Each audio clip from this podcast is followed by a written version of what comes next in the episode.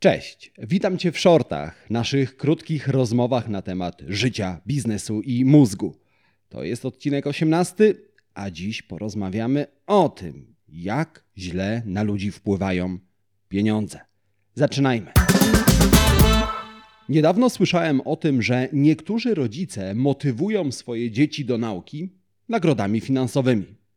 Gdy młoda latorośl przynosi do domu sprawdzian z historii z piątką bądź szóstką, dostaje za to kilkaset złotych. No i pozornie wydaje się, że wszystko w porządku. W końcu dzieci należy nagradzać za ciężką pracę.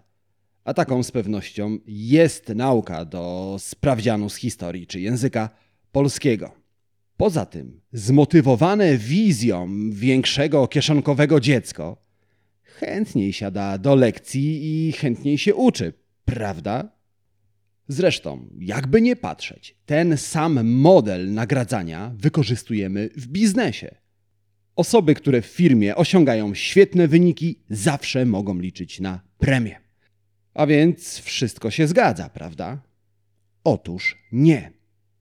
Okazuje się, że w pewnych sytuacjach pieniądze mogą przeszkadzać i mogą zmienić każdą, nawet najbardziej bezinteresowną czynność w transakcję.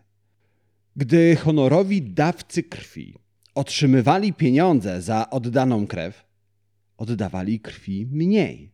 Ale gdy pieniądze zniknęły, oddawanie krwi znowu stało się bezinteresownym aktem dobroci. Pieniądze zmieniają wszystko w transakcję. Jednak nie wszystko powinno stać się transakcją. Weźmy na przykład wspólne spędzanie czasu z przyjacielem albo przyjaciółką.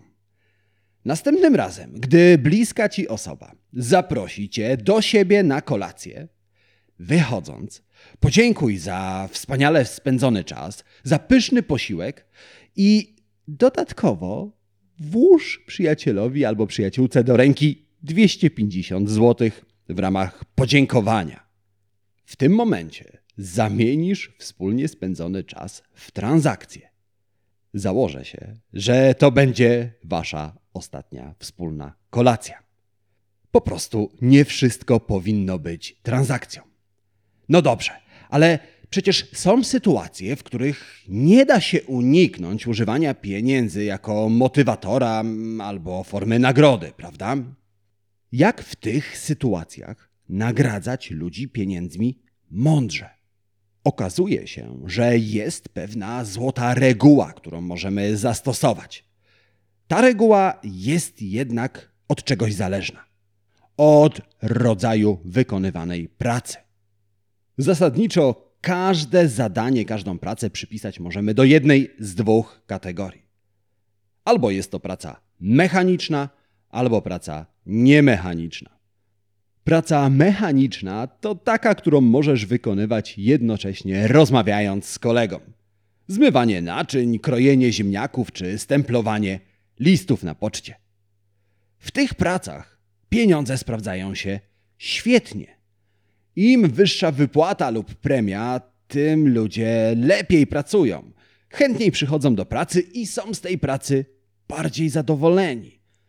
A więc w pracach mechanicznych, gdy dodasz do nich nagrody finansowe, każdy wygrywa. Problem zaczyna się wtedy, gdy dodasz pieniądze do prac niemechanicznych, czyli takich, które wymagają więcej umysłowego wysiłku. W pewnym eksperymencie poproszono uczestników o rozwiązanie pewnego skomplikowanego problemu. Aby rozwiązać problem, uczestnicy musieli wykazać się sporą kreatywnością. W zamian za rozwiązanie problemu uczestnicy mogli otrzymać pewną sumę pieniędzy. Okazało się, że im wyższa była kwota za rozwiązanie problemu, tym gorzej uczestnicy z problemem sobie radzili.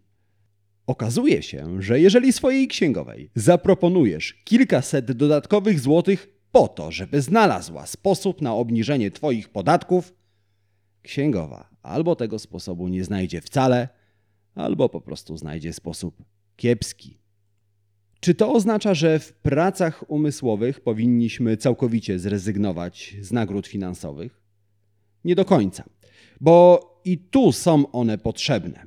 Natomiast ważne jest to, kiedy się pojawiają. Gdy pieniądze pojawiają się z góry przed wykonywaną pracą, obniżają jej jakość. Ale gdy pojawiają się po, jako nagroda i do tego nie za każdym razem, tylko jako niespodziewana nagroda, to bardziej motywują do pracy i poprawiają jakość pracy. Wróćmy zatem do rodziców, którzy za każdym razem, gdy dziecko przyniesie dobrą ocenę ze szkoły, nagradzają je pieniędzmi. Okazuje się, że ten sposób nie działa zbyt dobrze, bo po pierwsze, zmienia naukę w transakcję, a po drugie, wiemy już, że nagroda z góry w pracach kreatywnych i wymagających umysłowego wysiłku nie sprawdza się zbyt dobrze. Jednak ten sposób działać może, pod warunkiem, że lekko go zmodyfikujemy. Jeżeli nagroda za dobrą ocenę nie będzie pojawiała się za każdym razem, tylko w losowych sytuacjach i do tego nie będzie z góry zapowiedziana, to sprawdzi się całkiem dobrze.